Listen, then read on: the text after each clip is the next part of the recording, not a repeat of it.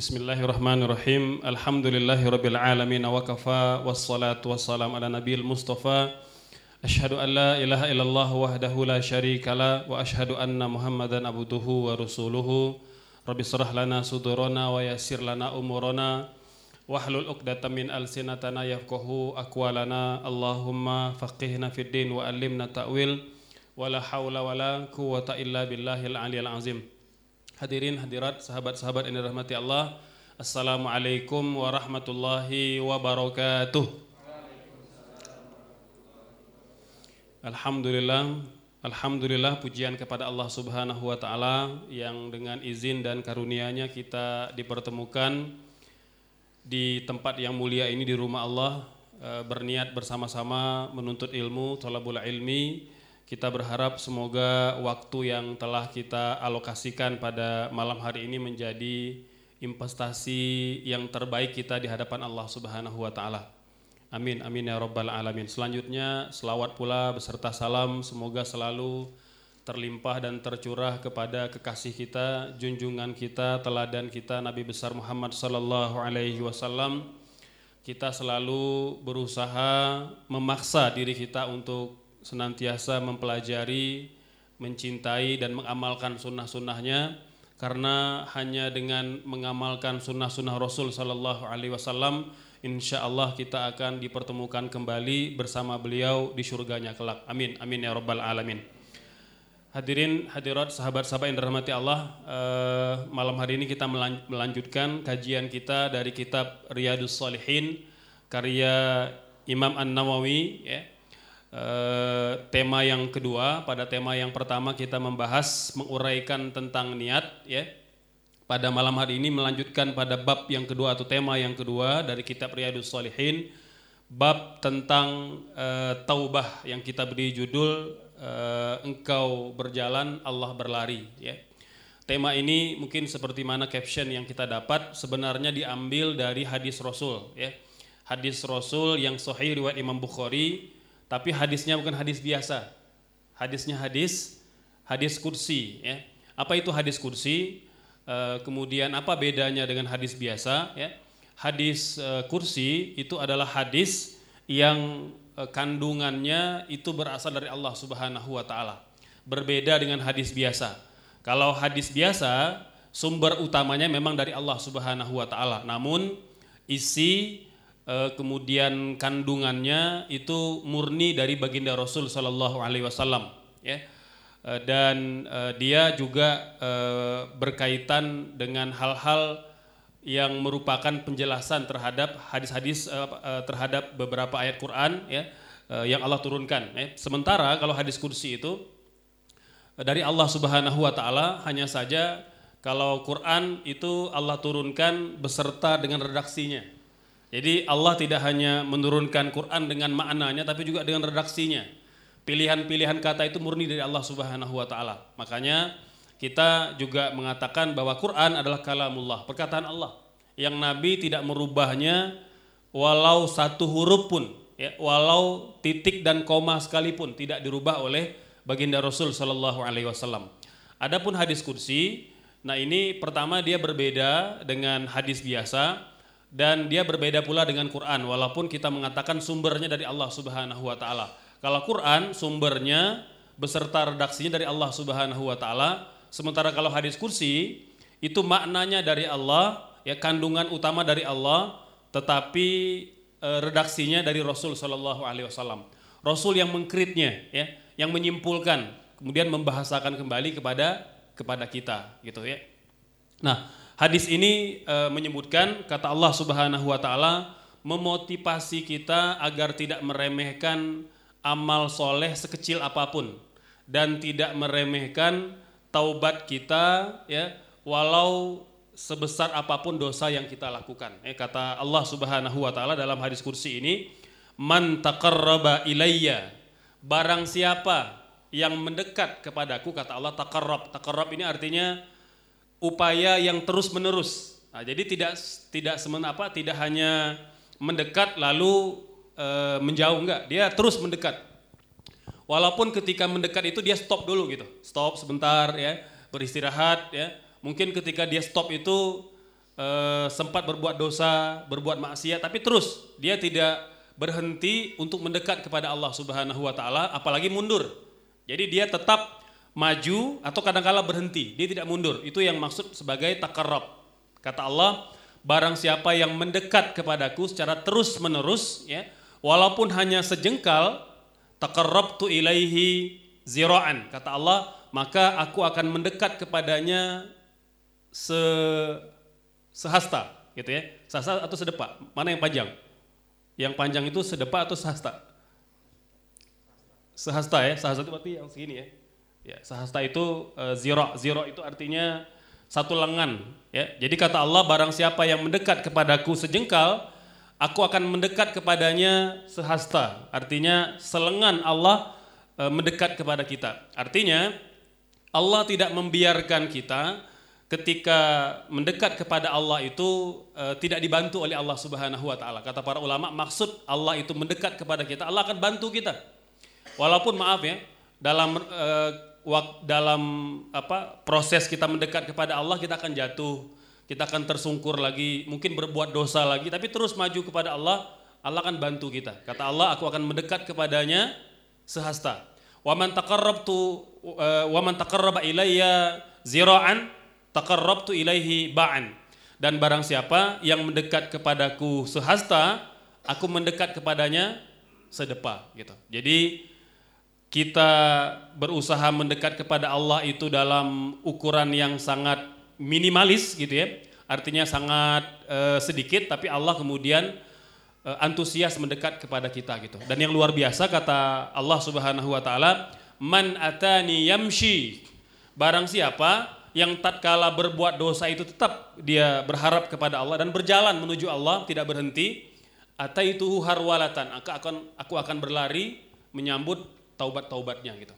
Nah, ini eh, sahabat yang dirahmati Allah Subhanahu wa taala di antara mukadimah untuk tema kita pada malam hari ini bahwa eh, kita memberinya dengan judul memberi temanya dengan judul engkau berjalan Allah berlari gitu ya. Tema ini ya itu sesuai dengan isinya bahwa eh, dijelaskan tentang apa itu taubat ya. Kemudian apa syarat diterimanya taubat atau seperti apakah taubat itu dilaksanakan gitu ya. Taubat kata para ulama seperti mana yang dijelaskan dalam kitab ini wajibatun ala kulli dzambin ya. Taubat itu wajib atas setiap dosa yang kita lakukan. Jadi tidak boleh Misalnya kita berdosa, membiarkan tidak bertaubat, membiarkannya tidak beristighfar. Ya. Kendati kita tahu bahwa dosa itu sangat besar, sangat banyak, tapi wajib kita bertaubat kepadanya gitu. Karena kalau kita berbuat dosa, tidak bertaubat maka double dosanya gitu. Pertama dosa berbuat maksiat, yang kedua dosa karena tidak bertaubat. Karena kan definisi taubat itu apa? Apa e, definisi wajib itu apa? Dikerjakan berpahala, ditinggalkan berdosa gitu. Ya. Ini eh, apa eh, hukum bertaubat. Fa in kanat al abdi wa bainallahi ta'ala la tata'allaku bihaqqin adamin falaha thalathatu syurut dan dosa itu atau taubat terhadap dosa itu eh, kita lakukan dalam dua hal atau dalam dua jenis gitu ya. Jenis yang pertama bertaubat dari dosa yang tidak ada kaitan dengan dengan anak Adam yang lain, tidak ada kaitan dengan manusia lain. Jadi hanya dosa yang kita lakukan terhadap diri kita dan kepada Allah Subhanahu wa taala. Dosa-dosa yang tidak berkaitan dengan kezaliman dengan orang lain. Ini satu. Yang kedua, ada dosa yang kita lakukan terhadap uh, Allah tetapi ada kaitan dengan manusia. Ya. Sebelum kita uraikan, Taubat itu berasal dari bahasa Arab taba yatubu taubatan. Artinya kembali kepada Allah. Jadi orang yang bertaubat itu pada hakikatnya dia berusaha kembali kepada Allah Subhanahu wa taala. Orang yang tidak mau bertaubat artinya dia tidak mau kembali kepada Allah Subhanahu wa taala. Tidak mau kembali ke rel yang benar gitu. Ya, padahal e, kemaksiatan dan dosa itu adalah al-insilah anit torik as-sawi bahwa Dosa itu kata para ulama adalah keluar dari rel yang lurus atau dari jalan yang benar gitu. Nah, ketika kita bertobat artinya kita berusaha kembali ke jalan yang lurus gitu. Nah, apa saja syarat taubat itu dilakukan kalau dosanya tidak berkaitan dengan manusia? Yang pertama, ayyukli'a anil maksiyah. Hendaknya seseorang itu meninggalkan dosa itu. Itu di antara kewajiban kita ingin bertaubat. Jadi kalau ingin bertaubat atau kita ingin meninggalkan sebuah perbuatan dosa, yang pertama kewajiban kita adalah meninggalkan dosa itu. Jadi jangan sampai saya mau saya pengen tobat tapi belum meninggalkannya gitu.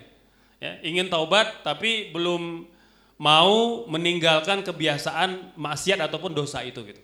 Jadi di antara syarat diterimanya tobat atau di antara syarat dikatakan tobat ketika dia meninggalkan perbuatan dosa.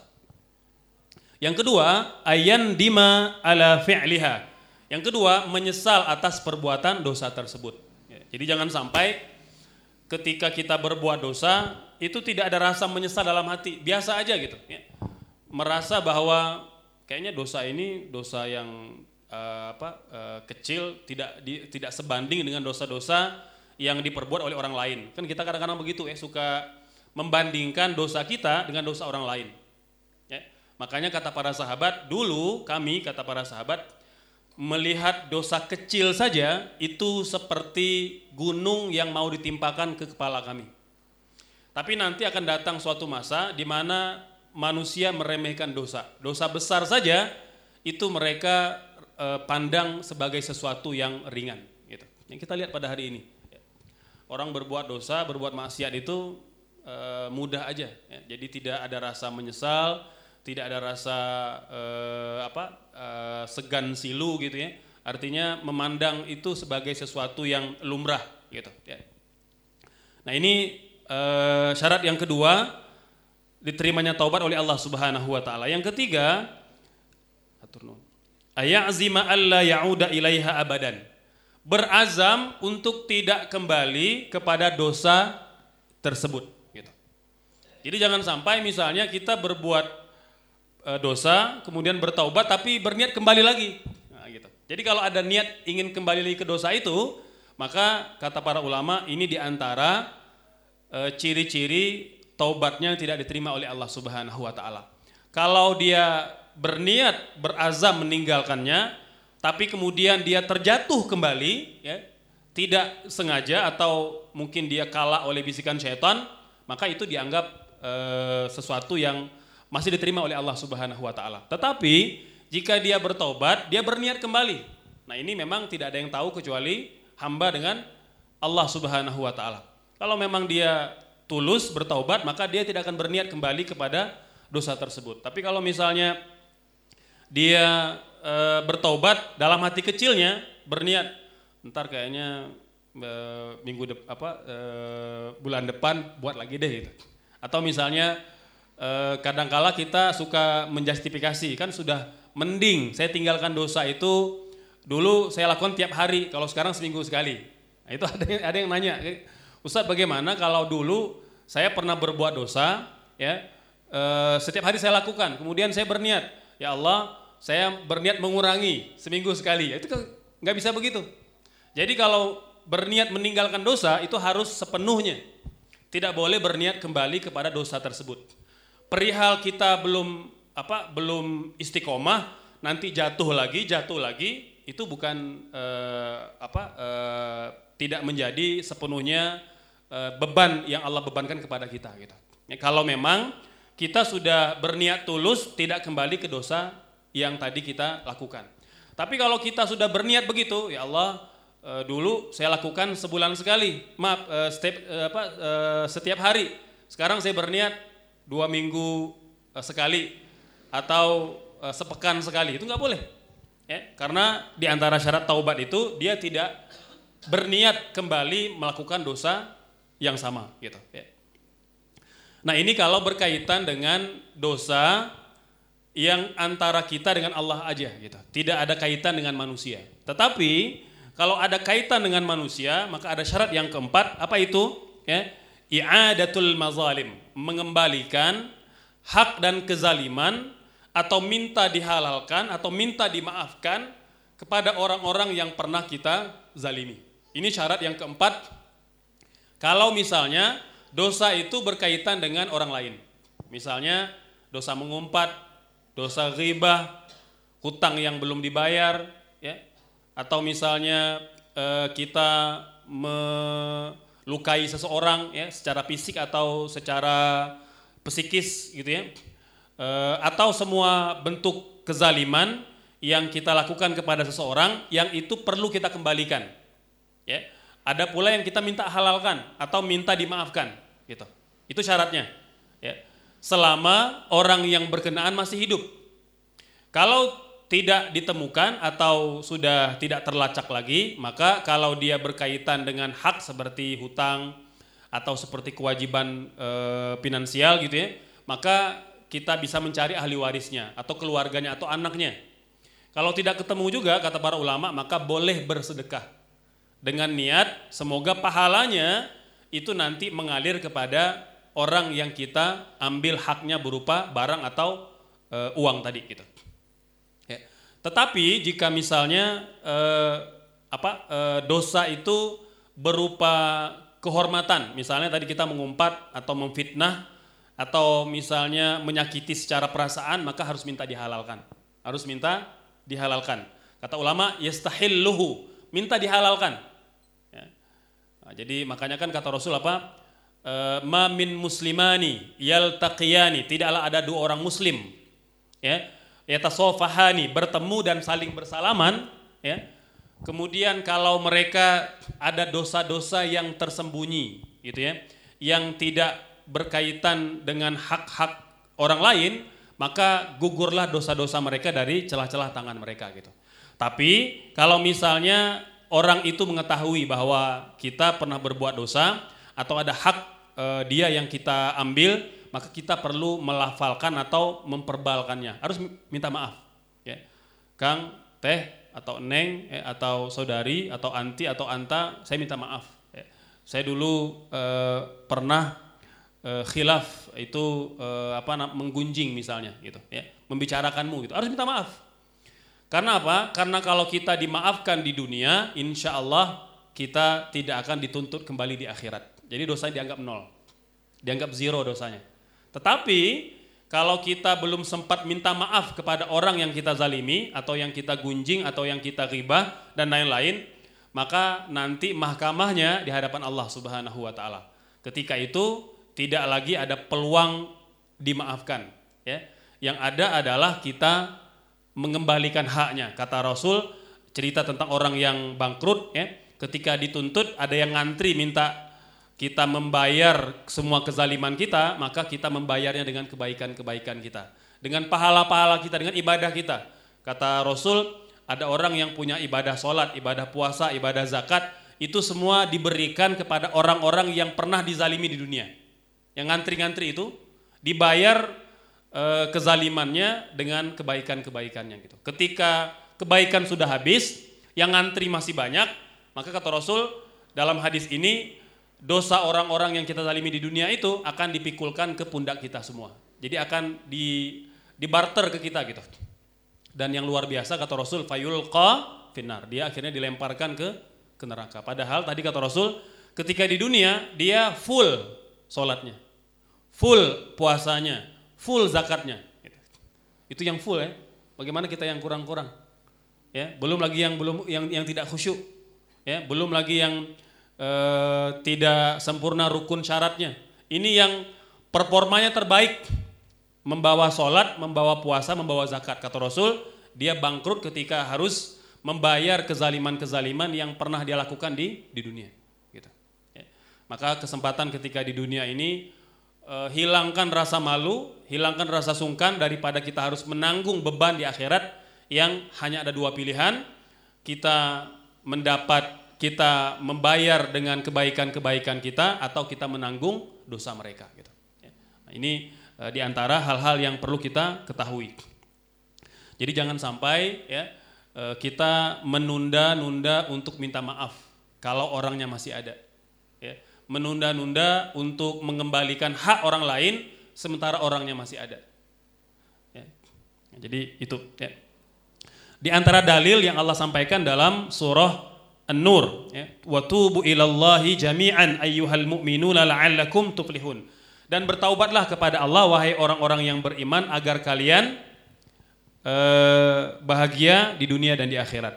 Kemudian dalam surah At-Tahrim Allah juga berfirman, "Ya ayyuhalladzina amanu tubu ilallahi taubatan nasuha." Ya. Wahai orang-orang yang beriman, bertaubatlah kepada Allah dengan taubat yang nasuha. Nah, tadi ya, nasuha ini dia alla ya'zim alla ya'uda ilaiha yang dos apa e, taubat yang dilakukan dengan niat tidak kembali kepada dosa yang sama gitu ya. Jadi kalau misalnya berniat kembali ke dosa yang sama maka dia tidak dianggap dosa, tidak dianggap taubat nasuha gitu ya. Kita lihat belajar dari mana e, bagaimana Rasul Shallallahu alaihi wasallam. Ya, Rasul kan orang yang telah dijamin dosanya diampuni baik yang lalu maupun yang akan datang ketika beliau masih hidup. Ya. Bahkan orang yang pertama kali akan membuka pintu surga. Manusia yang hidup sejak zaman Nabi Adam sampai hari kiamat tidak ada yang melihat surga sebelum Rasul Sallallahu Alaihi Wasallam membuka pintunya. Bahkan beliau nanti yang akan ya yang akan mendapat tempat tertinggi di surga. Ya, apa itu? Al-wasilah. Ya, yang setiap kali selesai azan kita mendoakan beliau mendapatkan tempat itu. Walaupun tanpa doa kita, Nabi layak mendapat tempat itu. Al-wasilah. Ya, jadi al-wasilah kata Rasul, al-wasilah adalah tempat tertinggi di surga yang hanya Allah berikan kepada satu orang manusia dan satu orang makhluk. Gitu, ya.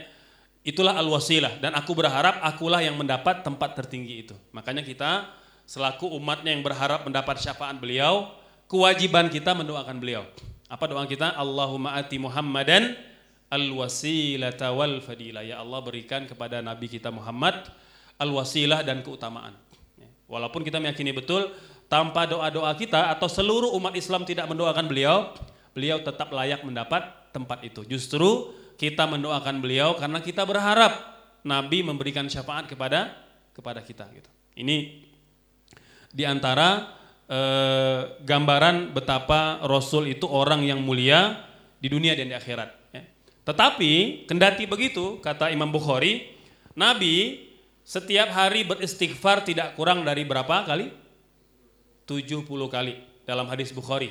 Dalam hadis Muslim, dalam hadis Muslim 100 kali. Ya. Nah, jadi kalau di hadis Muslim itu 70 kali, kalau di hadis, kalau di hadis Bukhari 70 kali, di hadis Muslim 100 kali. Layakil an mi'ati marrah. Nabi istighfarnya sehari semalam tidak kurang dari 70 sampai 100 kali gitu. Nabi yang dengan segala kemuliaan dan keutamaan yang beliau dapat itu istighfarnya sebegitu gitu ya. Maka kita yang setiap hari berdosa, setiap hari bermaksiat ya, bahkan tidak hanya eh, apa tidak hanya dalam kondisi kita berbicara dalam kondisi diam pun kita bermaksiat kepada Allah Subhanahu wa taala gitu ya. Kalau dulu kan peluang pintu maksiat kecil gitu karena belum ada gadget, ya belum ada internet ya. Sekarang kita tanpa berbicara pun ya itu dosanya juga tidak kalah hebat dengan lisan gitu ya. E, dulu dikatakan bahwa di antara penyebab dosa eh, di antara penyebab dosa di antara dua dosa yang paling banyak menyebabkan anak Adam itu tergelincir ke neraka ada dua. Satu kemaluan, dua lisan. Kata para ulama pada hari ini tambah lagi apa? Jari-jari kita gitu. Jari-jari kita gitu. Ya. Jadi tidak berbicara, tidak ngomong, tapi jari-jari kita yang menuliskan kata-kata itu gitu. Ya. Maka jika kita tidak berbicara pun, maka boleh jadi jari-jari kita itulah yang kemudian menyebabkan kita dilemparkan oleh Allah Subhanahu wa taala ke nerakanya. Nauzubillah ya. Maka hadirin sahabat yang dirahmati Allah Subhanahu wa taala, kita berusaha ya. Paling tidak tidak kalah dengan istighfarnya Nabi. Memang siokianya harus lebih ya. Karena beliau Nabi, sudah diampuni dosanya. Itu istighfar 100 kali. Maka kita minimal 100 kali. Gitu. Menyamai dengan istighfarnya beliau. Jangan kurang. Malu kita di hadapan Rasul nanti ketika dihisap oleh Allah Subhanahu wa taala semua amal-amal kita ya nabi istighfarnya 100 kali kita istighfarnya bisa dihitung dengan jari gitu ya jadi dan kadang-kala kita perhitungan ya apa uh, perhitungan dengan dengan istighfar kita gitu. Ya. Nah, jadi menghitung-hitungnya jadi tidak apa uh, selalu kalau sudah sekian berhenti sekian berhenti padahal uh, ulama dulu selalu berupaya beristighfar sebanyak-banyaknya gitu. Berikutnya hadirin yang dirahmati Allah Subhanahu wa taala di antara hadis yang dibawakan oleh Imam An-Nawawi dalam tema taubat ini ya, adalah ketika beliau menceritakan bahwa Allah itu tidak pernah bosan mengampuni dosa hamba-hambanya. Kata Abi Musa al-Ash'ari, ya, ini salah seorang sahabat Nabi, mengatakan bahwa Nabi bersabda, Innallaha Innallaha ta'ala, sesungguhnya Allah ta'ala yabsutu yadahu bil laili liyatuba musian nahar. Allah itu senantiasa membentangkan tangan ampunannya ya, keampunannya itu pada malam hari untuk mengobat untuk mengampuni dosa orang-orang yang berdosa bermaksiat pada siang hari. Ya, jadi Allah itu pada malam hari bersiap-siap menanti kita bertaubat dari dosa-dosa kita di siang hari, dari pagi sampai malam. Itu Allah ampuni pada malam harinya. Dan begitu pula pada siang harinya, kata Rasul, Allah membentangkan tangannya pada siang hari orang-orang yang sepanjang malamnya bermaksiat kepada Allah Subhanahu wa taala. Jadi Allah tidak mengkhususkan dosa itu hanya diampuni pada malam hari atau pada siang hari atau hanya pada hari Jumat enggak. Setiap detik Allah memberikan peluang kita untuk bertaubat kepadanya gitu. Makanya jangan sampai kita menunda-nunda bertaubat kepada Allah Subhanahu wa taala. Kita khawatir kita tidak punya waktu untuk bertaubat kepadanya ya. Karena memang kata Rasul taubat akan diterima oleh Allah Subhanahu wa taala selama kita belum bertemu dengan dua kondisi. Yang pertama, malam tatul syams min maghribiha, hadis Imam Muslim bahwa Allah akan mengampuni dosa apa pun yang kita lakukan selama matahari belum terbit di sebelah barat. Satu. Ya. Yang kedua, dalam hadis uh, Turmudi kata Rasul malam yugargir selama nyawa kita belum nyampe di kerongkong. Belum nyampe di kerongkong. Ya. Kalau nyampe di kerongkong maka taubat kita sudah ditolak oleh Allah Subhanahu wa taala. Jangan sampai seperti Firaun. Firaun itu sempat bertaubat. Bahkan lantang dia mengatakan pasih mengatakan amantu bi rabbi Musa wa Harun. Ya Allah, saya beriman bertaubat kepadamu dan beriman kepada Tuhannya Musa dan Tuhannya Harun. Ulama sepakat mengatakan itu sudah kalimat taubat dari Firaun. Tapi Allah tidak mengampuni mengapa? Karena dia sedang sakaratul maut. Jadi orang yang sakaratul maut itu masih bisa berbicara. Masih bisa berbicara. Karena apa? Karena nyawa itu atau ruh itu memang ditarik ya, itu dari arah kaki. Makanya kita kalau e, menghadapi orang yang sakaratul maut itu yang paling cepat dingin bagian mananya? Kakinya. Karena ruhnya sudah hilang ya.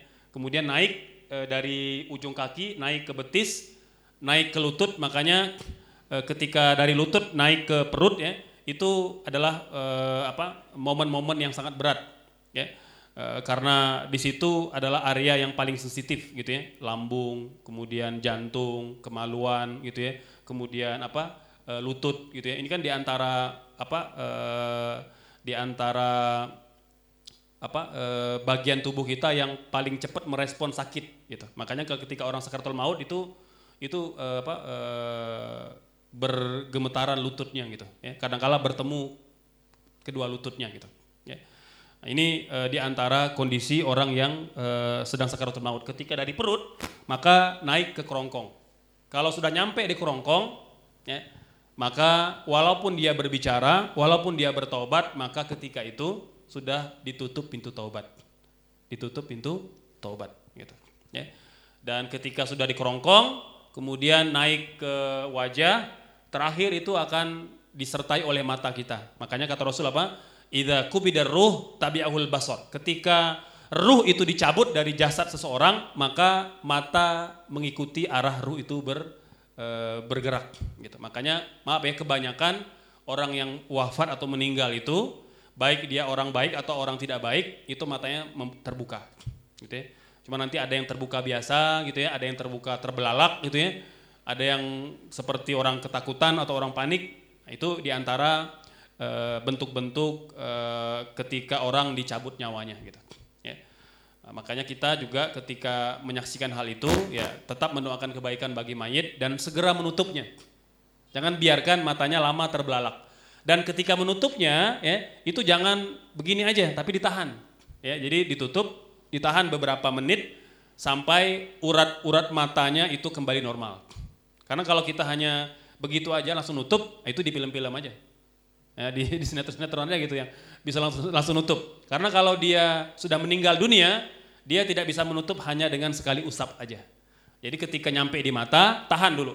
Ini perlu juga tahu ya, ketika nanti ada keluarga kita, orang tua kita, sahabat kita yang sedang sakaratul maut, dan sudah meninggal dunia, ketika matanya terbuka, maka kita tutup segera ketika sudah dipastikan dia meninggal dunia, tutup matanya, tahan ya, beberapa detik atau menit sampai kita yakin matanya sudah tertutup. Ya, jadi biasanya itu e, ketika dia meninggal, kita tutup matanya itu ya sekitar 20 detik ataupun setengah menit itu sudah e, normal kembali. Ya, setelah itu dia akan tutup seperti biasa. Termasuk maaf ya, mulut. Mulut juga begitu. Kalau dia menganga atau mangap gitu ya, maka ketika dia meninggal dunia segera tutup dengan perlahan. Pelan-pelan, kata Rasul apa? Mayit itu lebih merasakan sakit jauh lebih dari orang yang masih hidup.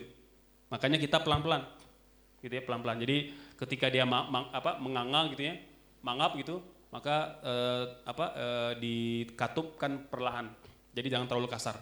Karena mereka merasakan pedihnya itu lebih pedih dan lebih sakit dibanding orang yang masih hidup. Ya, jadi tidak boleh uh, terlalu kasar ya, walaupun orang itu punya hutang sama kita gitu ya karena geram ya belum bertemu apa datang pengen apa apa ngambil hutang udah meninggal dunia ya. jadi lihat dia dia mangap begitu ya, nggak boleh ya jadi tetap harus berlemah lembut kepada orang yang meninggal dunia ini dua keadaan di mana Allah masih memberikan kita peluang untuk bertaubat gitu.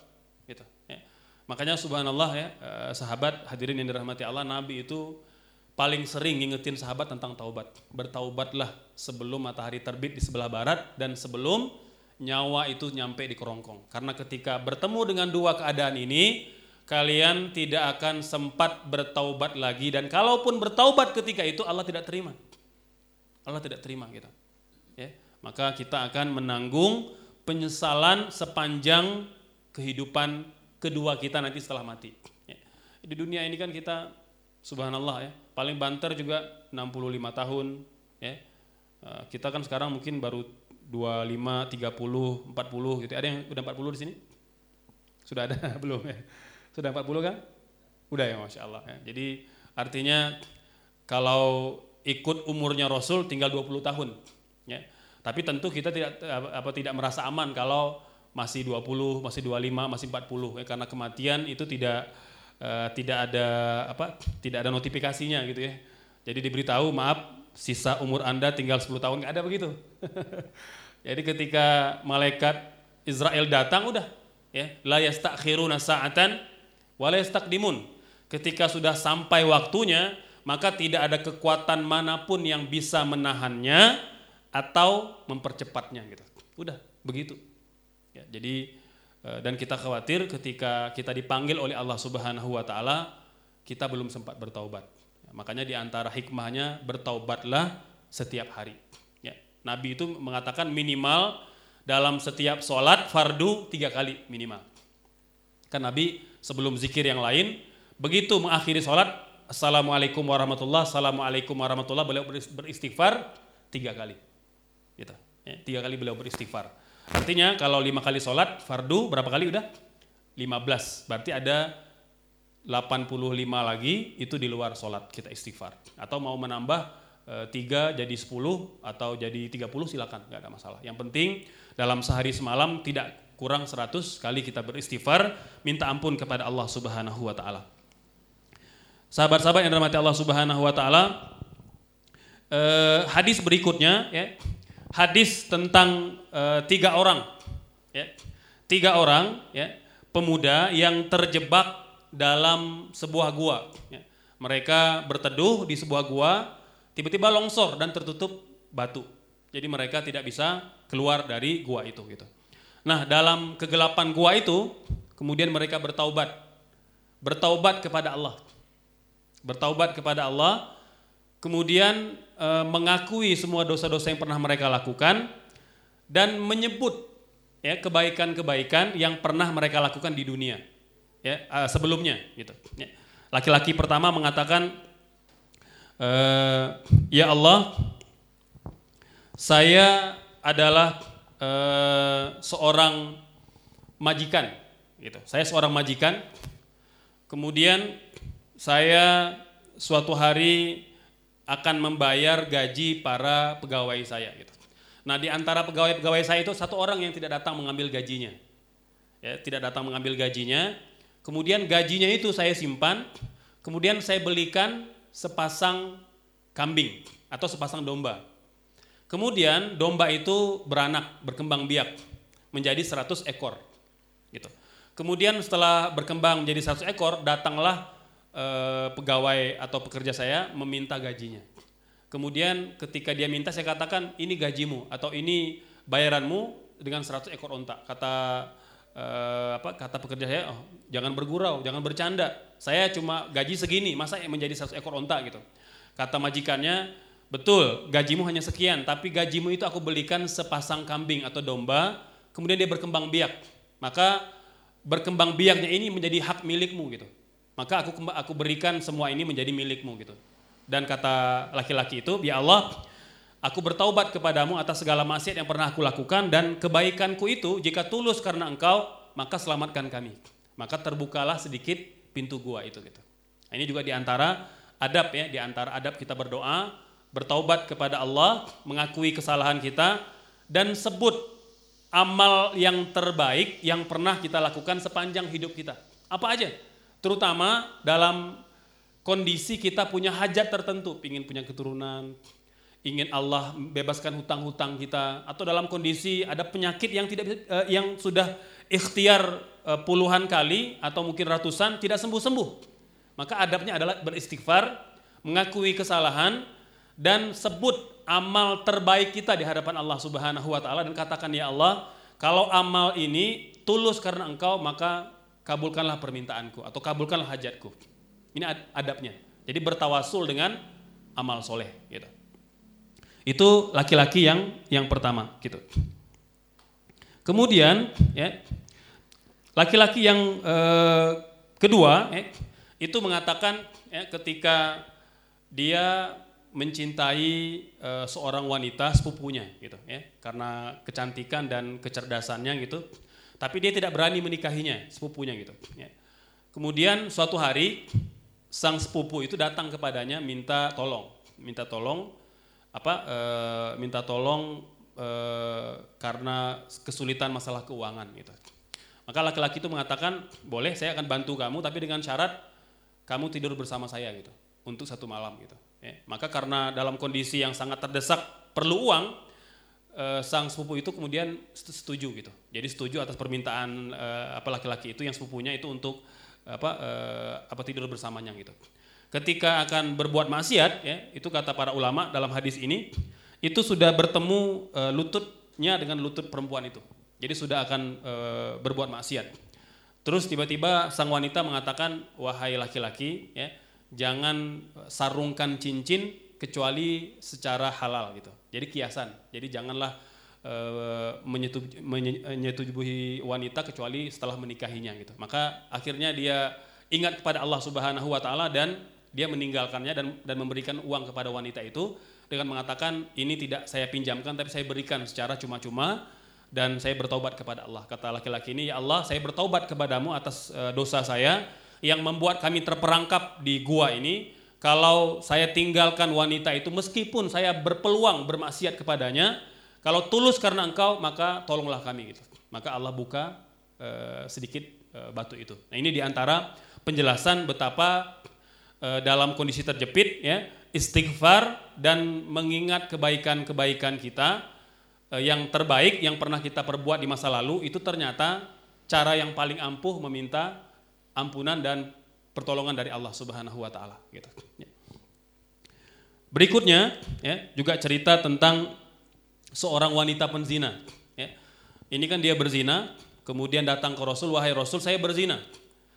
Rasul berkali-kali memalingkan wajahnya. Subhanallah. Jadi Rasul ini kalau ada orang mengaku berzina, dia tidak mau langsung kemudian e, membesar-besarkannya ya, atau memviralkannya enggak. Berkali-kali kata apa e, hadis e, Imam e, Turmuzi ini Nabi memalingkan wajahnya berharap wanita itu pergi dan melupakan e, pengakuannya. Subhanallah. Jadi Nabi begitu berhati-hati ketika menyangkut masalah aib orang lain. Subhanallah. Ya. Tapi wanita ini menunjukkan keseriusannya, ya Rasul saya berzina, tolong rajam saya. Berkali-kali kata Rasul ya. Jadi ke mana pun Nabi berpaling dia datang ke sana dan mengatakan ya Rasul saya berzina, tolong rajam saya. Ya. Karena dia sedang hamil kata Rasul biarkan anakmu dilahirkan dulu, maka tunggu sampai 9 bulan. Begitu lahir dia datang wahai Rasul, rajam saya. Rasul berharap ketika dia melahirkan dia lupa dan pergi aja begitu aja.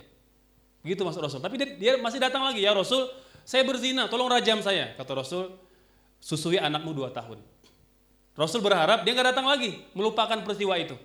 Tapi subhanallah, setelah dua tahun dia masih datang ya Rasul, saya berzina rajam saya. Gitu.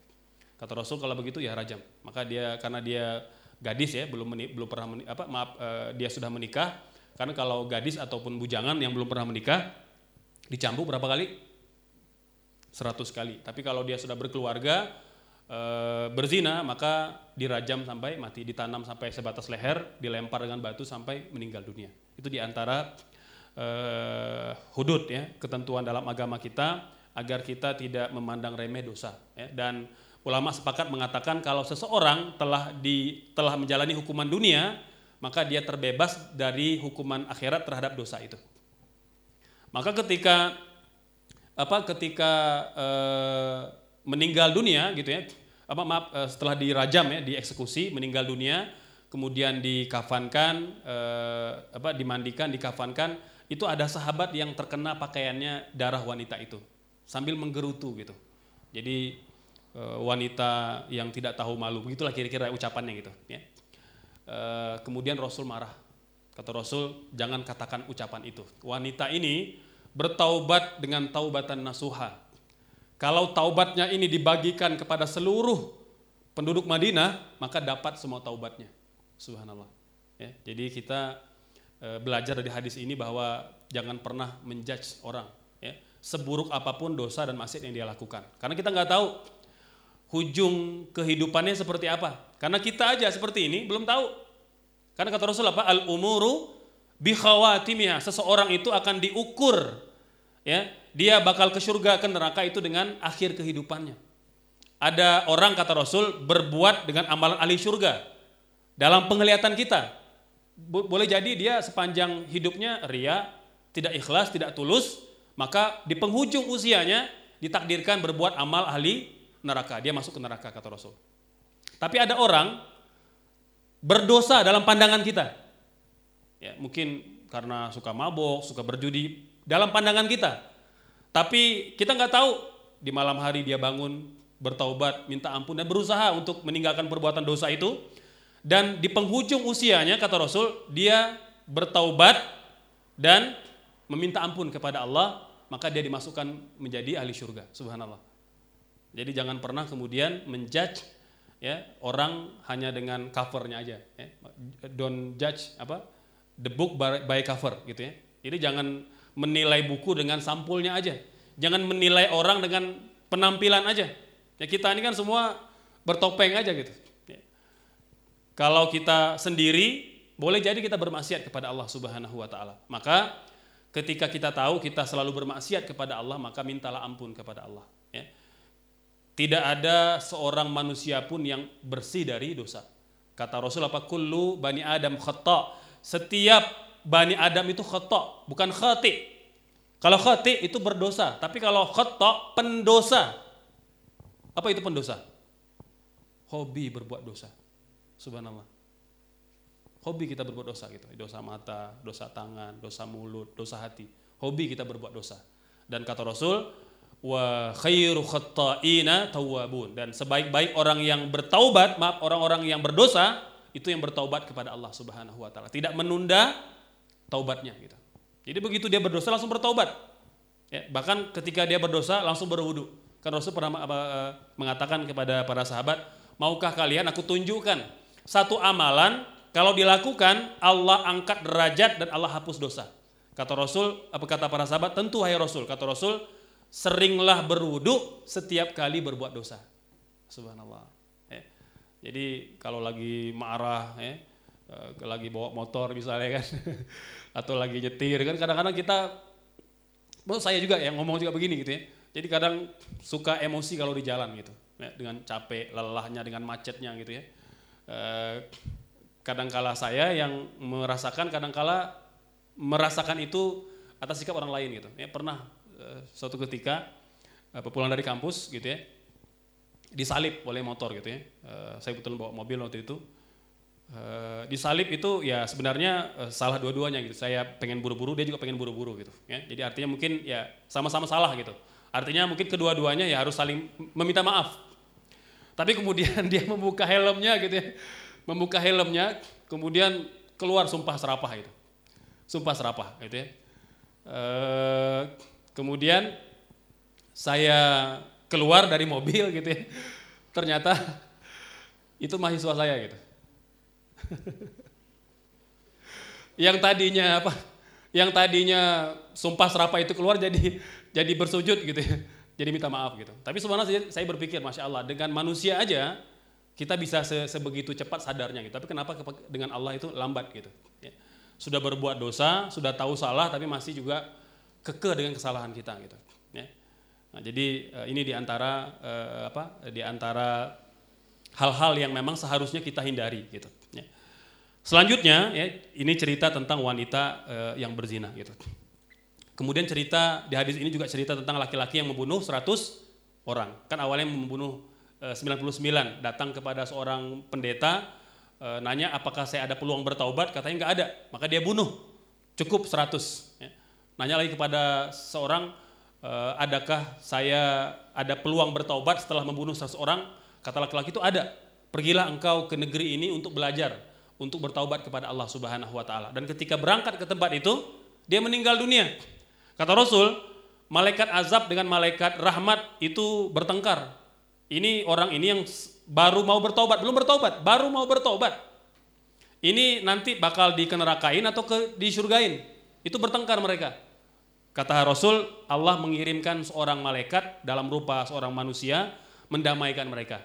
Kata eh, laki-laki eh, itu, ukur aja jarak mana yang terdekat, apakah dari tempat terakhir dia membunuh atau ke tempat dia ingin bertobat, gitu.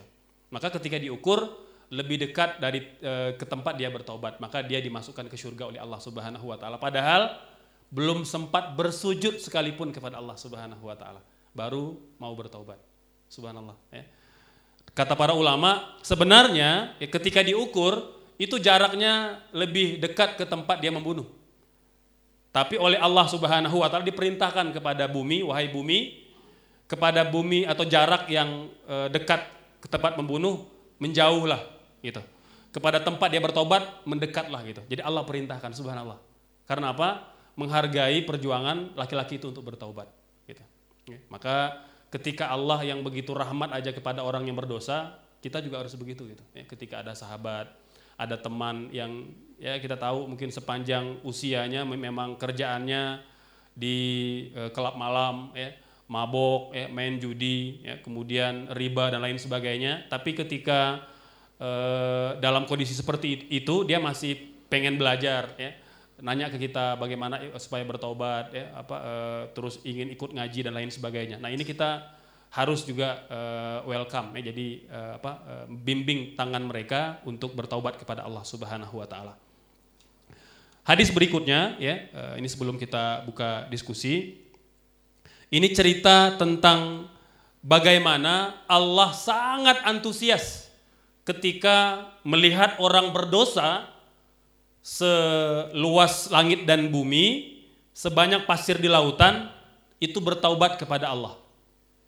Allah lebih antusias dari laki-laki ini, ya.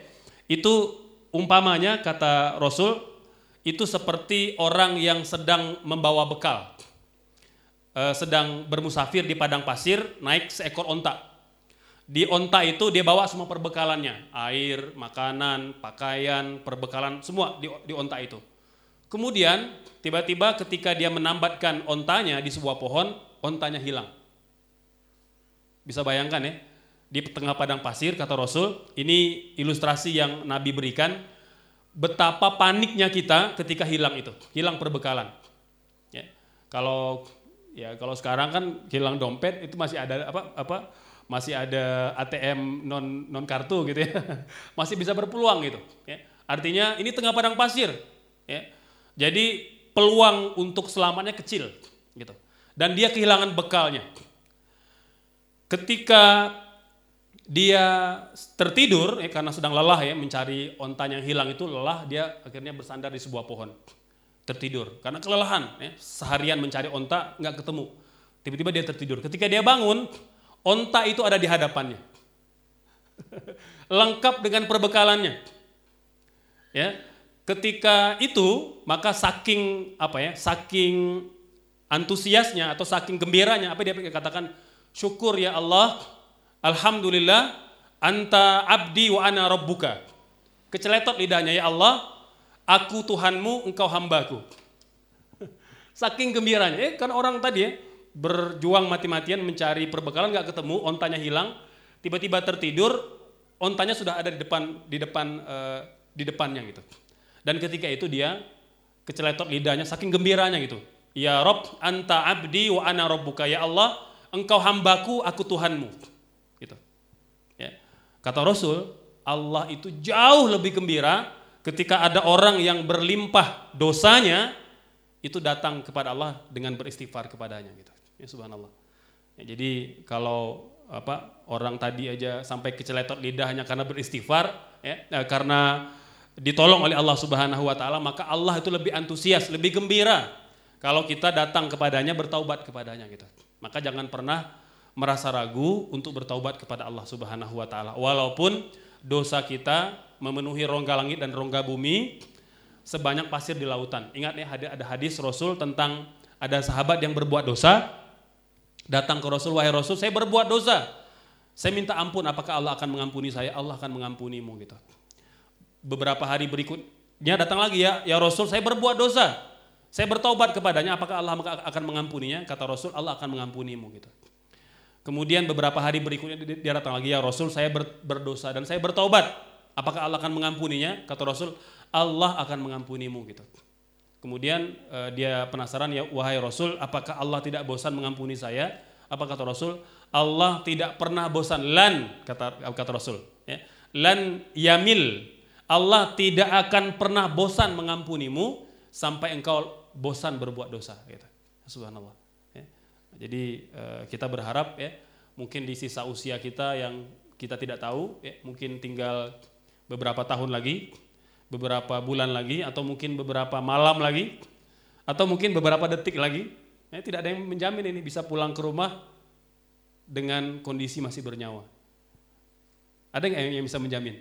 Walaupun kita sudah bikin agenda besok mau ngapain besok mau ketemu siapa besok mau ke mana kita udah agendakan. Bahkan agenda sebulan kita udah buat bahkan setahun tapi tidak ada yang bisa menjamin kita pulang ke rumah kita itu dengan selamat dan bernyawa gitu. Maka ketika orang tahu bahwa uh, ajalnya sangat dekat, dia tidak akan lengah untuk selalu bertaubat kepada Allah Subhanahu wa taala. Demikian uh, sebagai uh, pembahasan dari uh, kitab Taubat, engkau berjalan Allah berlari. Mangga jika ada respon atau feedback dari rekan-rekan dipersilakan.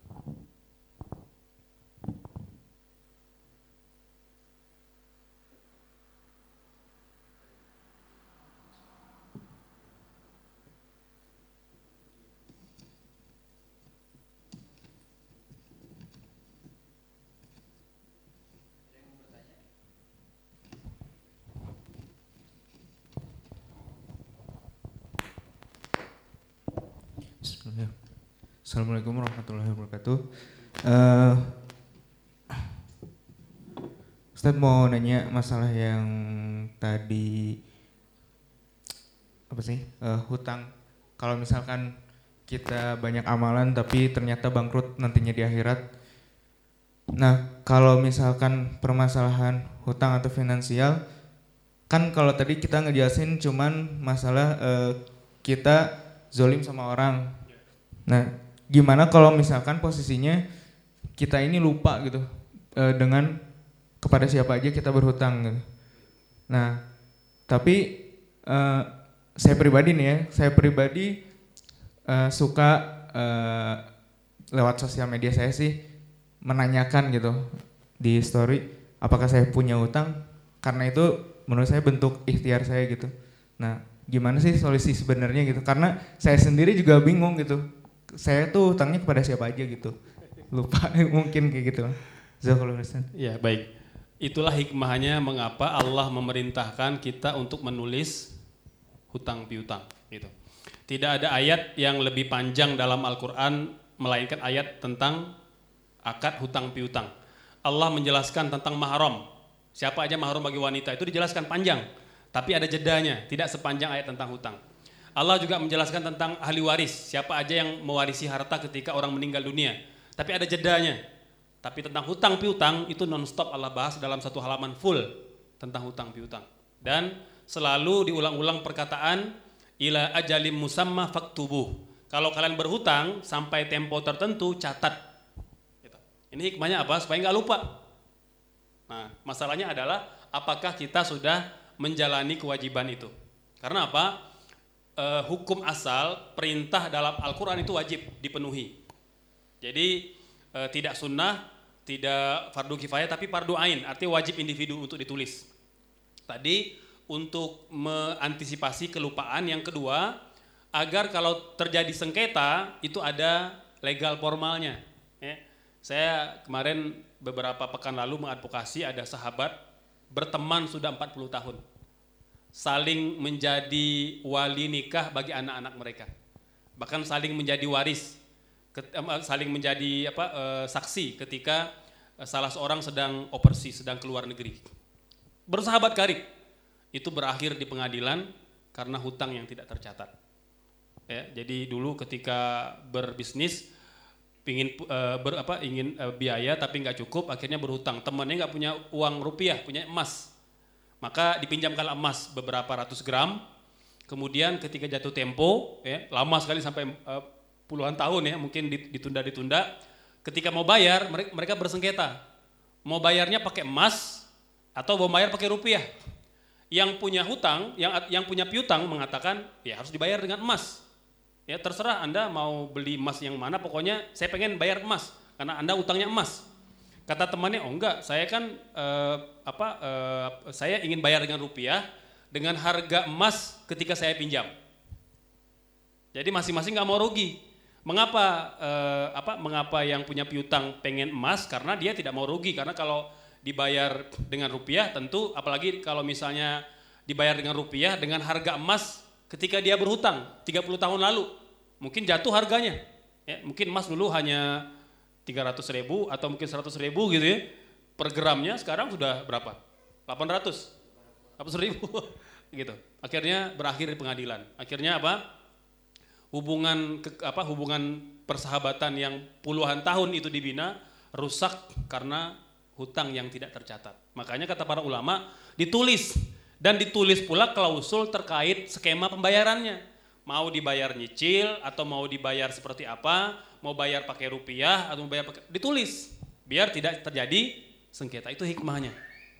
Ustadz, e, memang saya terlupa, nggak ingat sama sekali karena mungkin terlalu banyak atau mungkin dulu ketika minjem mungkin lagi mabok atau lagi apa gitu ya, nggak, nggak ingat misalnya gitu. Maka kalau betul-betul dia jujur, tulus, ya, e, tidak ingat sama sekali, maka tadi caranya udah benar. Artinya nanya ke teman-teman siapa yang merasa pernah saya e, berhutang, tolong nyatakan biar saya bayar gitu, ya.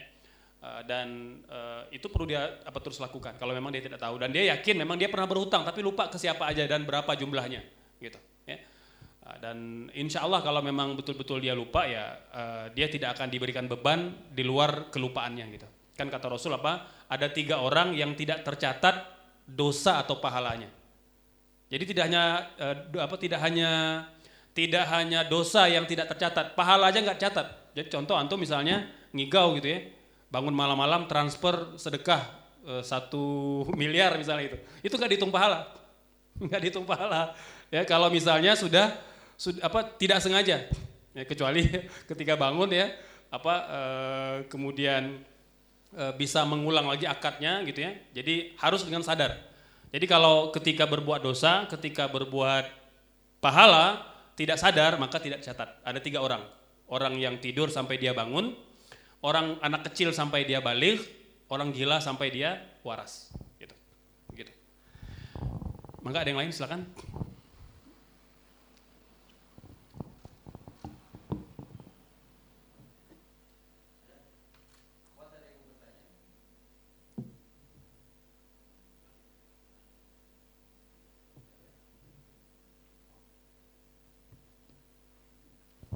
Bismillahirrahmanirrahim. Assalamualaikum warahmatullahi wabarakatuh Ustaz. Uh, mau bertanya perihal masalah kita yang uh, terkait dosa menzolimi orang lain. Tadi kan Ustadz uh, bilang bahwa harus disampaikan permohonan maafnya secara verbal. Apakah bisa istilahnya kalau zaman sekarang misalnya lewat sosial media tapi tidak diumumkan secara umum tapi lewat japri atau kayak gimana? Soalnya takutnya juga kan kalau lewat sosial media kita juga tidak tidak mengetahui ekspresi orangnya seperti apa ketika kita minta maaf. Terima kasih. Assalamualaikum warahmatullahi wabarakatuh. Waalaikumsalam warahmatullahi. Jadi idealnya memang bertemu gitu, bertemu ya. Uh, agar kita betul-betul uh, memastikan bahwa dia memaafkan gitu ya. Uh, tapi kalau misalnya itu sulit dilakukan, misalnya jarak gitu ya atau waktu dan lain sebagainya atau mungkin rasa malu dan lain sebagainya boleh kita pakai sosmed gitu ya pakai SMS atau pakai WA atau pakai apa uh, Wapri dan lain sebagainya uh, menggunakan seluruh aplikasi sosmed itu ya uh, diperbolehkan jika memang ada kendala tertentu di mana kita tidak bisa bertemu langsung dengan orang yang bersangkutan. Walaupun idealnya kalau bisa bertemu langsung. Itu yang lebih utama agar kita memastikan bahwa orang yang pernah kita zalimi itu betul-betul memaafkan gitu. Jadi tidak ada tekanan, tidak ada dan bukan orang lain yang membalasnya. Kan khawatir yang balas anaknya atau suaminya atau siapa gitu kita nggak tahu. Maka pastikan kita bertemu dan orang itu uh, apa memaafkan gitu ya. Jadi uh, ini terkait kalau misalnya dia dosanya dosa menzalimi melukai atau berkaitan dengan kehormatan. Tapi kalau berupa barang atau harta uh, dia harus harus ada yang ada tulma zalim jadi mengembalikan kezaliman kezaliman gitu ya.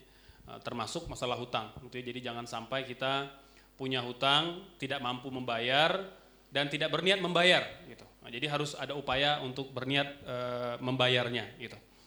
E, bahkan Rasul kan menolak menyolatin sahabat yang meninggal dunia karena punya hutang. Nah, jadi e, ini di antara besarnya dosa dan kezaliman ketika kita tidak membayar hutang. Makanya hutang itu ketika dia tidak dibayarkan ketika orang masih hidup, dia meninggal dunia, maka hutang itu berpindah kepada ahli warisnya. Maka jangan sampai kita kalau orang tua meninggal ribut udah udah bagi-bagi warisan. Bahkan kadang-kala orang tua belum belum meninggal udah udah sibuk bagi bagian ruko, bagian tanah, bagian rumah padahal ada tiga kewajiban yang harus dipenuhi sebelum harta warisan itu dibagikan.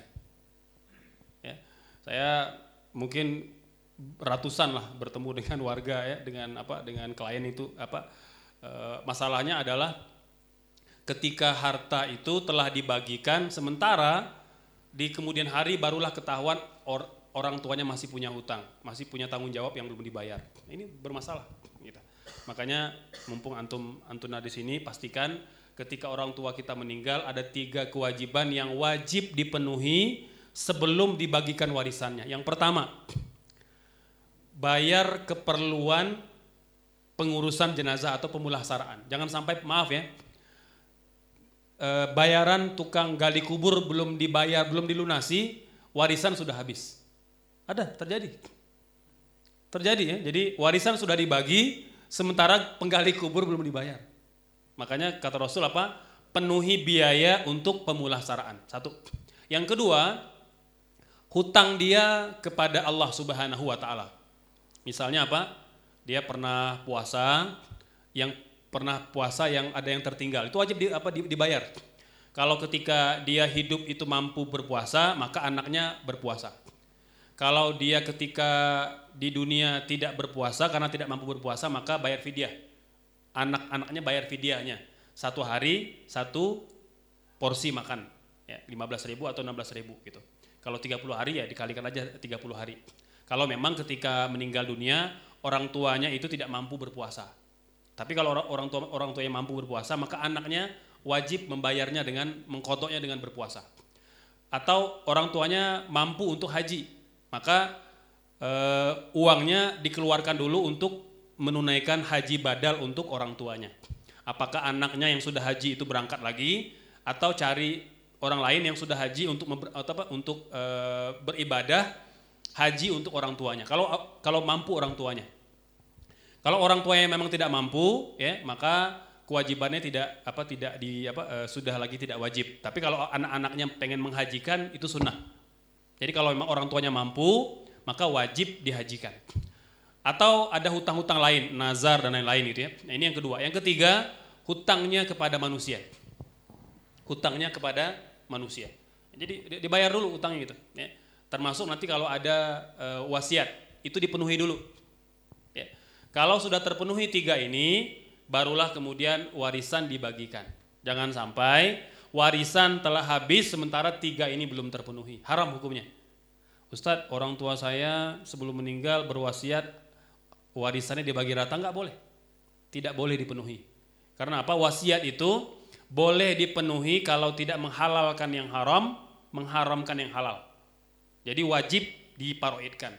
Walaupun orang tua sudah nulis wasiat sebelum meninggal berpesan, tolong ya kalau saya meninggal nanti warisan dibagi rata nggak boleh, tidak boleh dipenuhi, wajib diparoidkan kecuali nah, ada kecualinya jika kemungkinan terjadi eh, apa seteru yang menyebabkan eh, tertumpahnya darah. Nah, gitu. Itu eh, kata ulama diperbolehkan kemudian dengan cara damai gitu. Sesuai kesepakatan keluarga. Misalnya kalau diperbolehkan ada yang pengen nyerang keluarga ini gitu ya. Pokoknya kalau kalau nggak kalau saya nggak dapat pokoknya bakal ada yang kehilangan nyawa. Kalau itu kata ulama diperbolehkan sesuai dengan konsensus keluarga, kesepakatan keluarga. Tapi jika memang tidak ada kondisi seperti itu, dia wajib diparoidkan.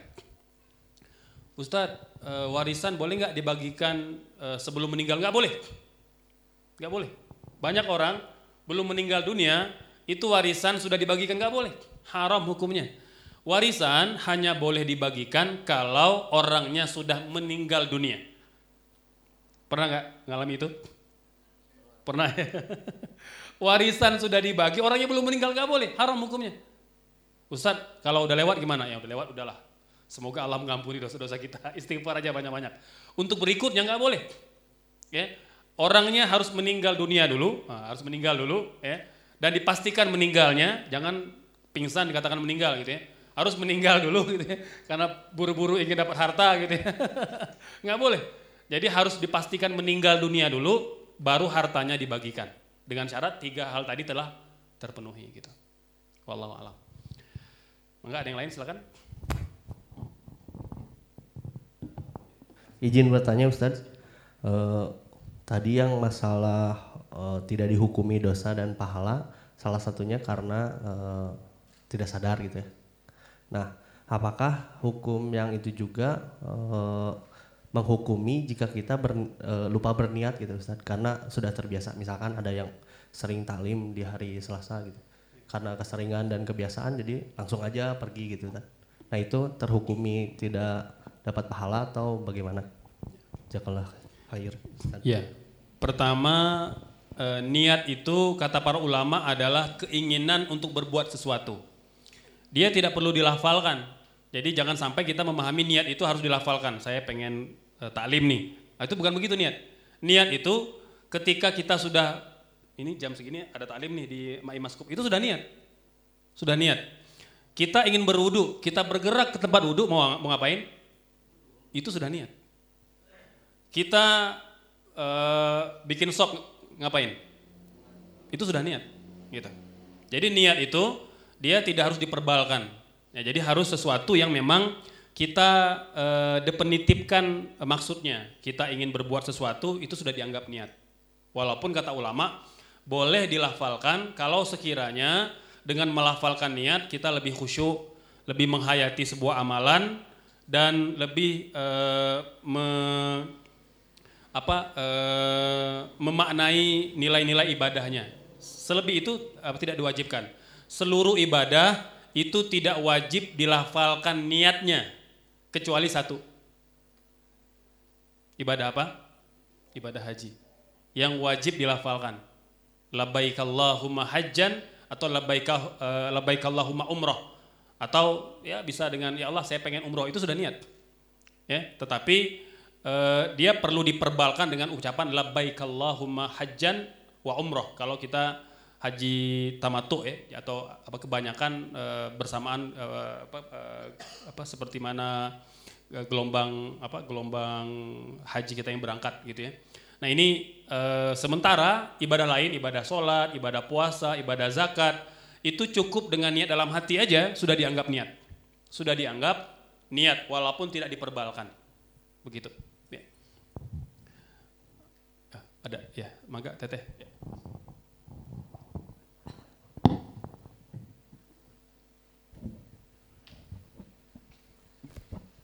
Assalamualaikum Ustadz, uh, mau nanya tentang uh, warisan tadi.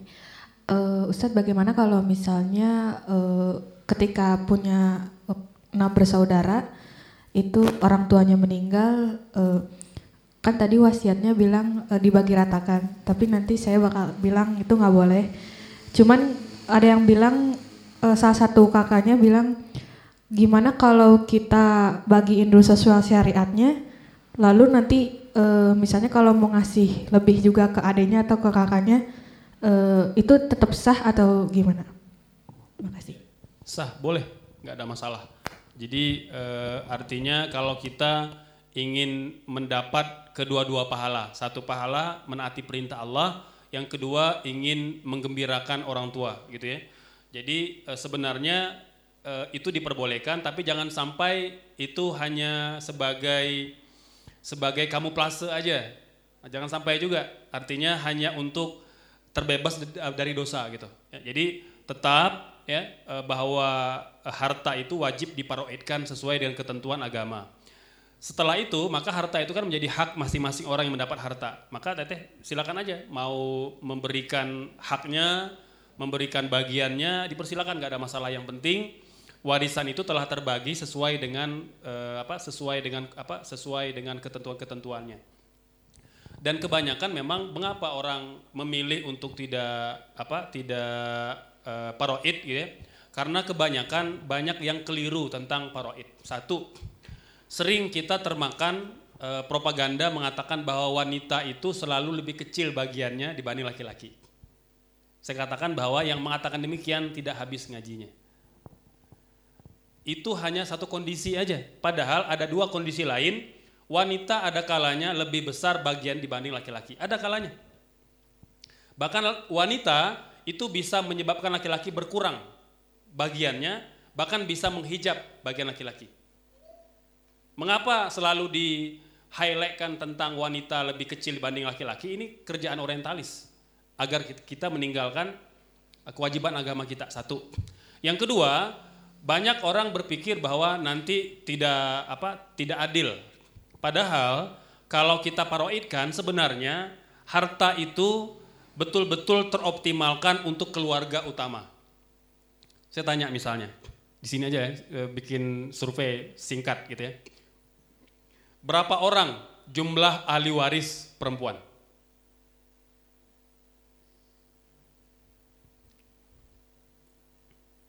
Semuanya berapa? Ada 10. Oke. Pertanyaan kedua, berapakah jumlah ahli waris laki-laki? Semuanya, ada berapa?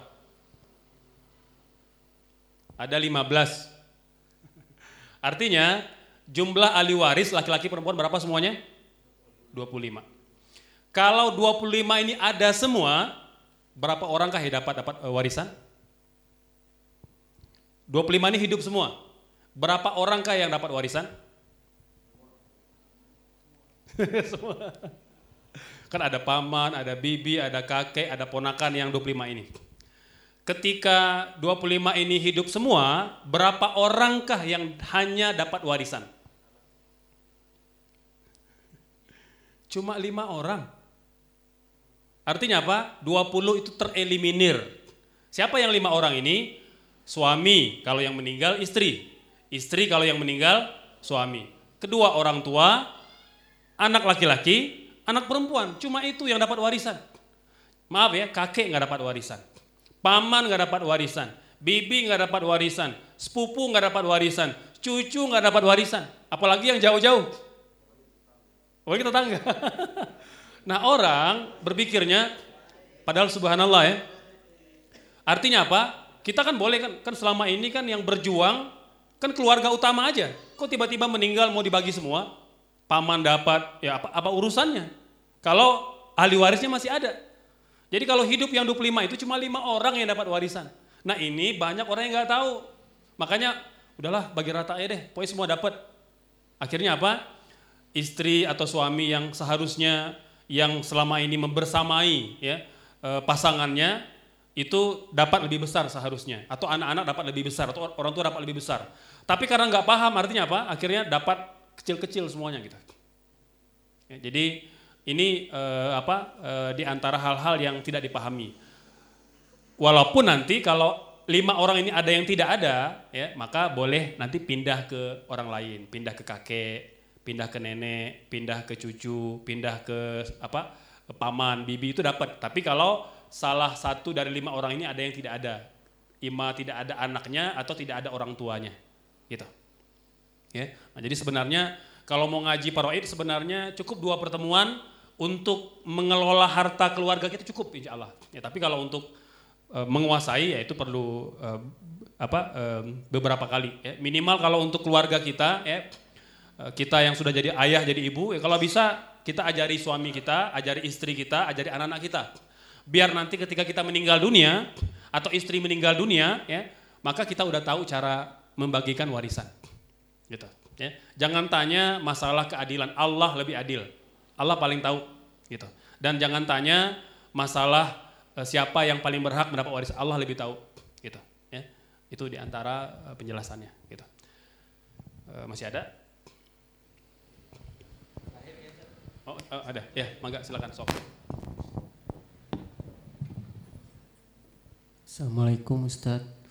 Uh, izin bertanya, kalau sepertinya ada orang yang menjolimi kita, terus uh, kitanya tidak mau lagi komunikasi dengan orang tersebut dengan alasan uh, bicaranya terlalu tajam gitu.